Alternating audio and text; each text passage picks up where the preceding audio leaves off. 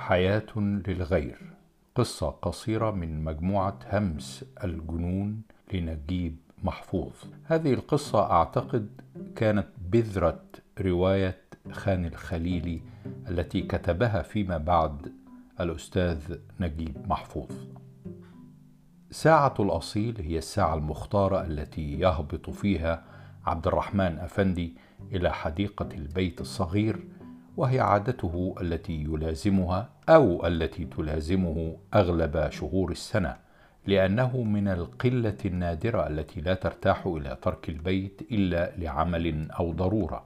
وقد نزل إلى الحديقة ذلك اليوم من أيام سبتمبر المعتدلة وألقى عليها النظرة المعتادة وتمشى بين طرقاتها الملتوية يسرح بصره بين شجرات الورد وأسس الزهور. ثم جلس على أريكة على كثب من السور المقام من الأسلاك الشائكة الذي يفصل بين حديقة بيته وحديقة البيت المجاور وبسط جريدة من جرائد المساء كانت مطوية تحت إبطه ومضى يطالع. وكان في مشيته كما كان في جلسته آية للرزانة فمن كان يراه لا يشك لحظة في أنه رب بيت وعاهل أسرة فحركاته وإيماءاته تقرن دائما بالهدوء والاتزان ونظرة عينيه تلوح فيها الرزانه والرجوله والمسؤولية ورأسه الكبير وشاربه الغزير يدلان على أنه ابن أربعين وإن كان في الحقيقة لم يجاوز الخامسه والثلاثين إلا بشهور قلائل. وكان مستغرقا في مطالعته حين استيقظ فجأة على صوت رقيق يهتف به قائلا سعيد يا عمي. فأزاح الجريدة عن وجهه ونظر إلى حديقة البيت المجاور نظرة التمع فيها الابتهاج فرأى وجها مشرقا يرنو بعينين سوداوين صافيتين يطالعانه بالبراءة فأحس إحساس الحران هب عليه نسيم بارد معطر بالياسمين ورد تحيتها قائلا أهلا بالآنسة سمارة. فابتسمت إليه ووقفت تلاعب كلبها الصغير كانت في السادسة عشرة يتجاذب وجهها الصبوح وقدها الممشوق براءة الصبا وأنوثة الشباب وأشار إلى كلبها وسألها كيف هو اليوم؟ تم شفاؤه والحمد لله. فضحك قائلا لعل هواء الأسكندرية لم يوافق مزاجه. على العكس كان يعدو على الشاطئ والدنيا لا تسعه من الفرح.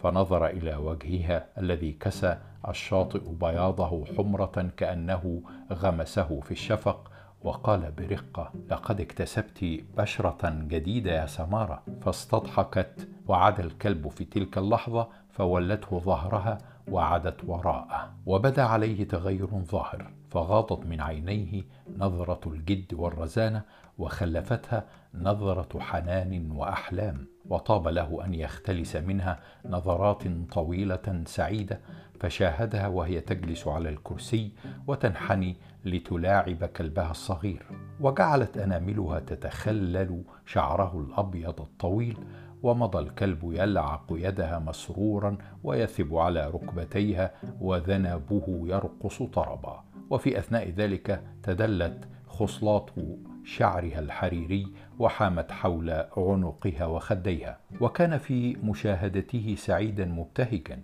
ولكن صدره انقبض فجأة فلوى رأسه ونظر إلى الأمام بعينين لا تريان شيئا لأنه تذكر أن سلوكها نحوه لم يتغير منذ كانت تدرج في الطفولة والصبا وأنها لا تزال تناديه بقولة عمي كما كانت تفعل وهي صغيرة تلعب بالعرائس وكان فيما مضى يفرح بهذا النداء ويعده آية على ما له في نفسها ونفس أبيها من المودة والصداقة. أما الآن فهو يضيق به ويتأذى منه ولا يكاد يسمعه حتى ينقبض صدره وتتولى عنه المسره واتجه بصره إليها مرة أخرى وتساءل ولم يكن يفعل ذلك للمرة الأولى؟ أمن المستحيل أن تصير سمارة زوجي يوما من الأيام؟ وهز رأسه في إنكار واستغراب كأن الفرض من المستحيلات حقا ولكنه لم يسلم بلا جدال فتساءل مرة أخرى ما وجه الاستحالة؟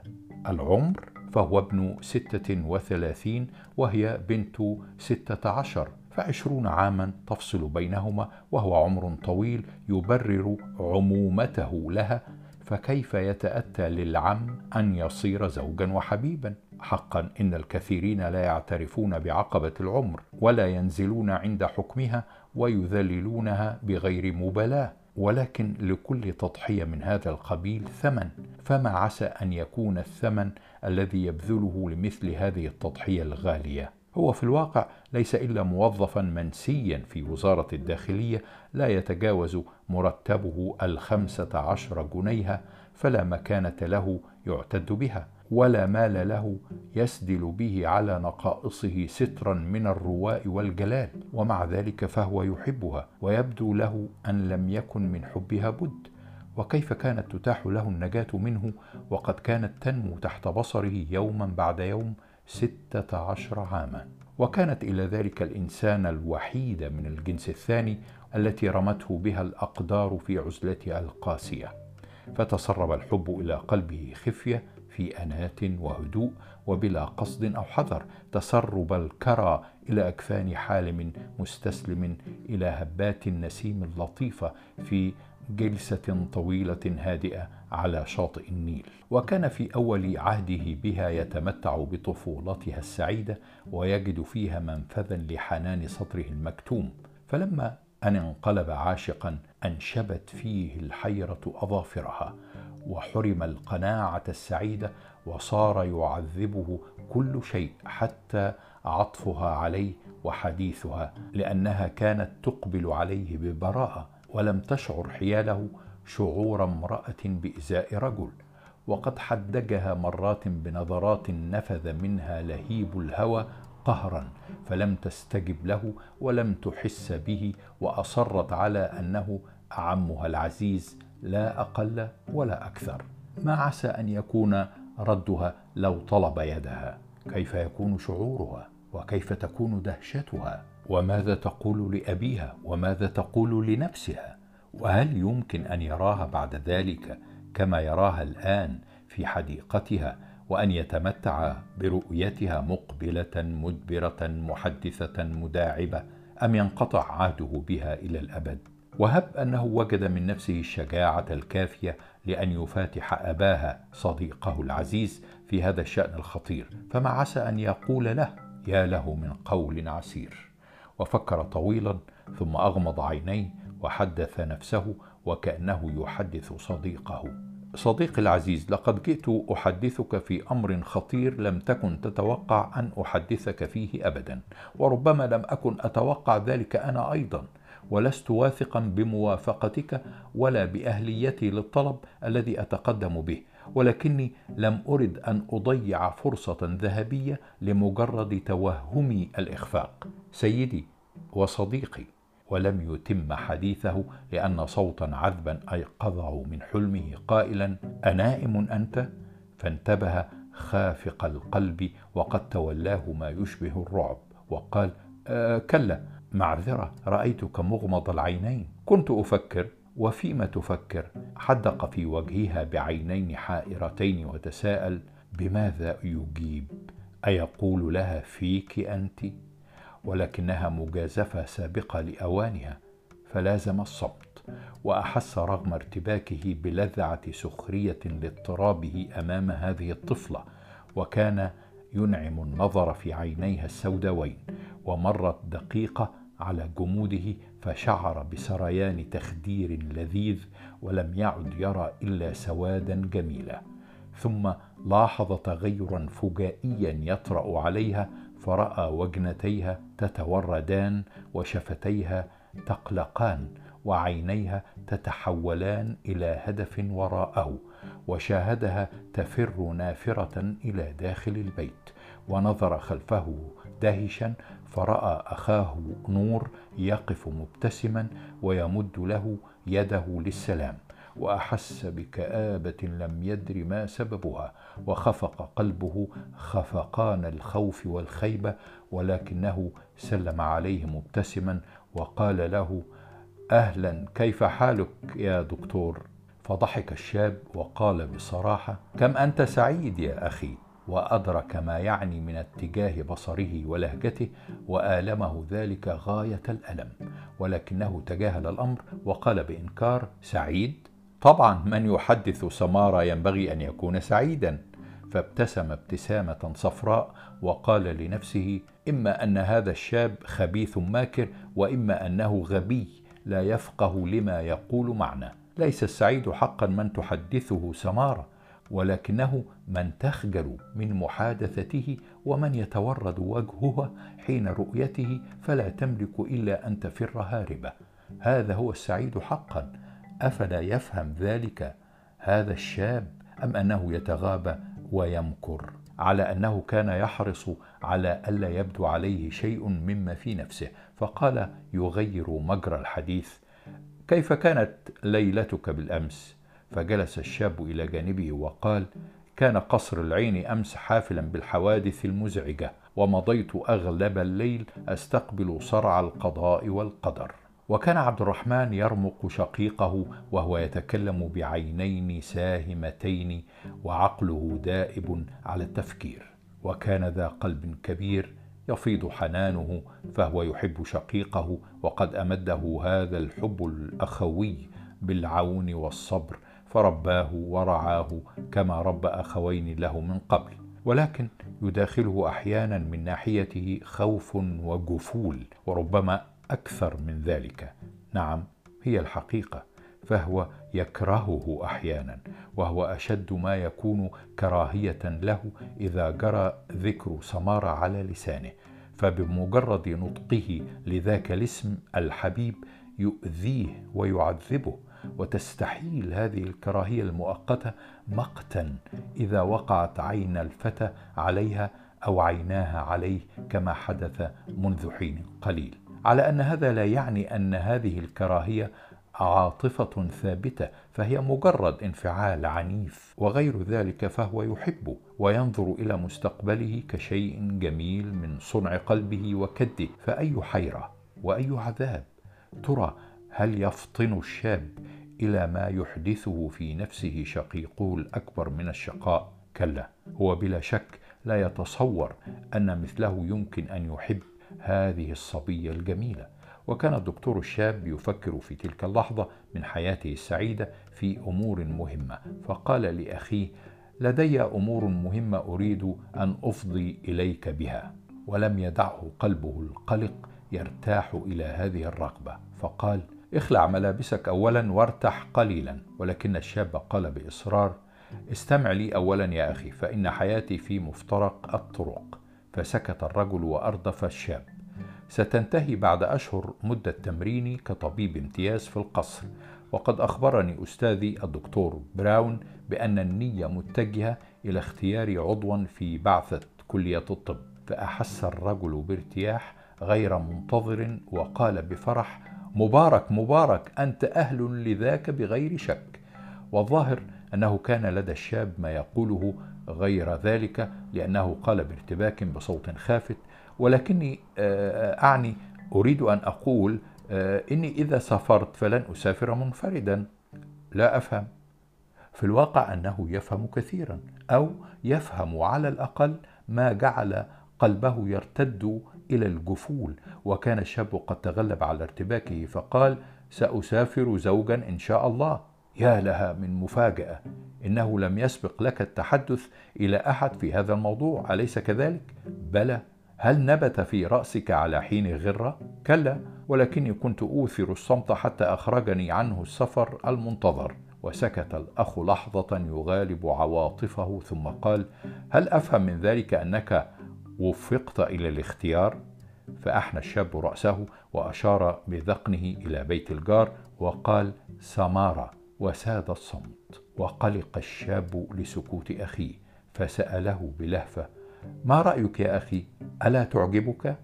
فقال الآخر بسرعة نعم الاختيار نعم الاختيار. فابتهج الشاب وقال أشكرك يا أخي وأرجو ألا تتوانى فعدني أن نذهب غدا إلى مقابلة والدها ولعلي لا أصدم هناك بما يخيب أملي. حسن ولكن ما الداعي لهذه السرعة؟ لا بد من السرعة فليس أمامي سوى شهور قلائل ينبغي أن يتم في أثنائها الاتفاق والاستعداد للسفر إلى إنجلترا. ثم ضحك الشاب وقال وهو يهم بالوقوف ألا ترى أني سأمضي شهر العسل خارج القطر كالوجهاء؟ فابتسم الرجل وحياه الشاب وذهب إلى داخل البيت وتبعته عيناه حتى غيبه الباب ثم عادتا تنظران إلى الدنيا المحيطة نظرة ذاهلة لا تعي التفاصيل فأحس احساسا غامضا بالسمرة التي أخذت تشوب الكون والسكون الساري في مفاصله. وضاق بجلسته فقام يتمشى في الحديقة الصغيرة بائسا محزونا مختنقا ودار دورتين ثم رجع إلى الأريكة وارتمى عليها بشيء من العنف كأنه يسلم إليها حظه التعس لا جسمه المنهوك. ووجد في تلك اللحظة رغبة خفية قاهرة في الفرار إلى الماضي فطار خياله في الزمان عشرين عاما في غمضة عين. إلى تلك الفترة من العمر التي تبدو فيها الحياة كقطعة من العجين في يد الخيال يعبث بها كما يشاء ويصنع منها ما يملي عليه هواه بعيدا عن قساوة الواقع. في ذلك الوقت البعيد كان هذا الرجل الممتلئ رزانة وهما وحزنا صبيا مرحا مدللا يفيض قلبه بالأفراح والآمال. وقد ميزته الطبيعة منذ رأى النور فكان أول من خفق له قلب والديه بالأبوة والأمومة من الأبناء. ثم كان بعد ذلك غلاما مجتهدا تضيء حياته المدرسية استعدادات عالية ومواهب نامية تبشر بالنبوغ والتفوق والمستقبل البسام. ولكن الحقيقة أن ما خفي من فضائله كان أعظم وأنه كان ينتظر الفرصة فقط للظهور في أبهى الحلل. وقد جاءت هذه الفرصة ولكنها لم تكن وأسفاه سوى وفاة والده. ترك الوالد المتوفى أسرة بائسة مكونة من أرملة وأربعة أبناء. أكبرهم عبد الرحمن في مستهل الشباب وأربعة جنيهات معاشا. وهكذا تصدت الحياة للشاب السعيد الواسع الآمال بوجه عبوس وحتمت عليه أن يخلع رداء الطفولة ليحمل على عاتقه اللدن أثقل التبعات وكان عليه قبل كل شيء أن يتناسى أطماعه ويدرج في الأكفان آماله ويقدر مواهبه لكي يهيئ للأسرة حياة سعيدة ويوليها بعض العناية التي كان يوليها إياه الأب الراحل.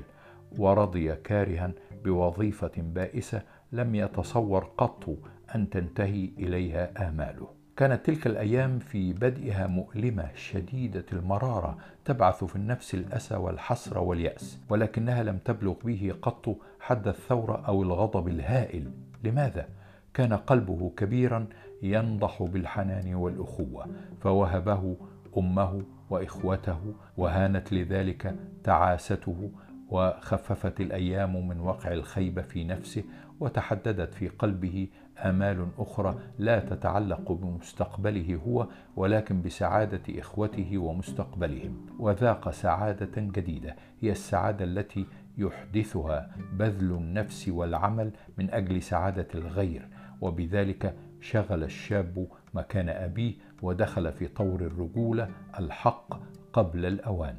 وذكر هنا كيف أنه كان يشعر بالفراغ الأليم رغم امتلاء حياته بالآمال والأعمال ولكنه كان ينجح دائما في إبعاد فكرة الزواج عن قلبه حبا في أسرته وايثارا لإخوته واستوصى بالصبر. ولكن أثبتت له الأيام أن إخوته أقل صبرا وأعنى بنفوسهم منه وربما كان للزمن في ذلك شأن وأي شأن. فما كاد أكبرهم يتخرج ضابطا في مدرسة البوليس حتى تزوج وترك العبء له وحده وتبعه بعد قليل أخوه الثاني المهندس فاضطر إلى البقاء أعزب حتى هذه السن. ثم ذكر كيف أنه كاد يختار أخيرا ما يكمل به حياته وكيف جاء الاختيار بعيدا عن التوفيق وكيف أتته الطعنة النجلاء من يد طالما آثرها بالحب والعطف وقد طعنه وهو يضحك ضحكة مشرقة بالأمل والسعادة كأنه ذاك الحكيم الذي يترنم بأنشودة السلام وقدمه تقتل عشرات الأحياء التي لا تراها العين. وفيما هو في أحلامه إذ سمع صوتا ينادي قائلا عبد لماذا تبقى في الظلام؟ هذا صوت أمه الحبيب. رباه لقد لفه الليل وهو لا يدري وقام من جلسته متثاقلا وسار ببطء إلى الداخل وبادرته أمه قائله هل حدثك نور؟ فقال نعم. ما رأيك؟ اختيار جميل يا اماه سأذهب غدا لمقابلة جارنا وطلب يد ابنته الجميلة لابننا النابه. فقالت بحنان لم يبق إلا أنت ولازم الصمت هذه المرة من يعلم؟ ليس الذي يلقى الآن بأشد قساوة مما لقي في ماضيه وما هذه بأول كارثة يمتحن بها قلبه الكبير. وقد علمته الحياة فضيلة الصبر كما علمته حقيقة أجل هي أنه يستطيع أن يسعد وأن يحقق السعادة للآخرين.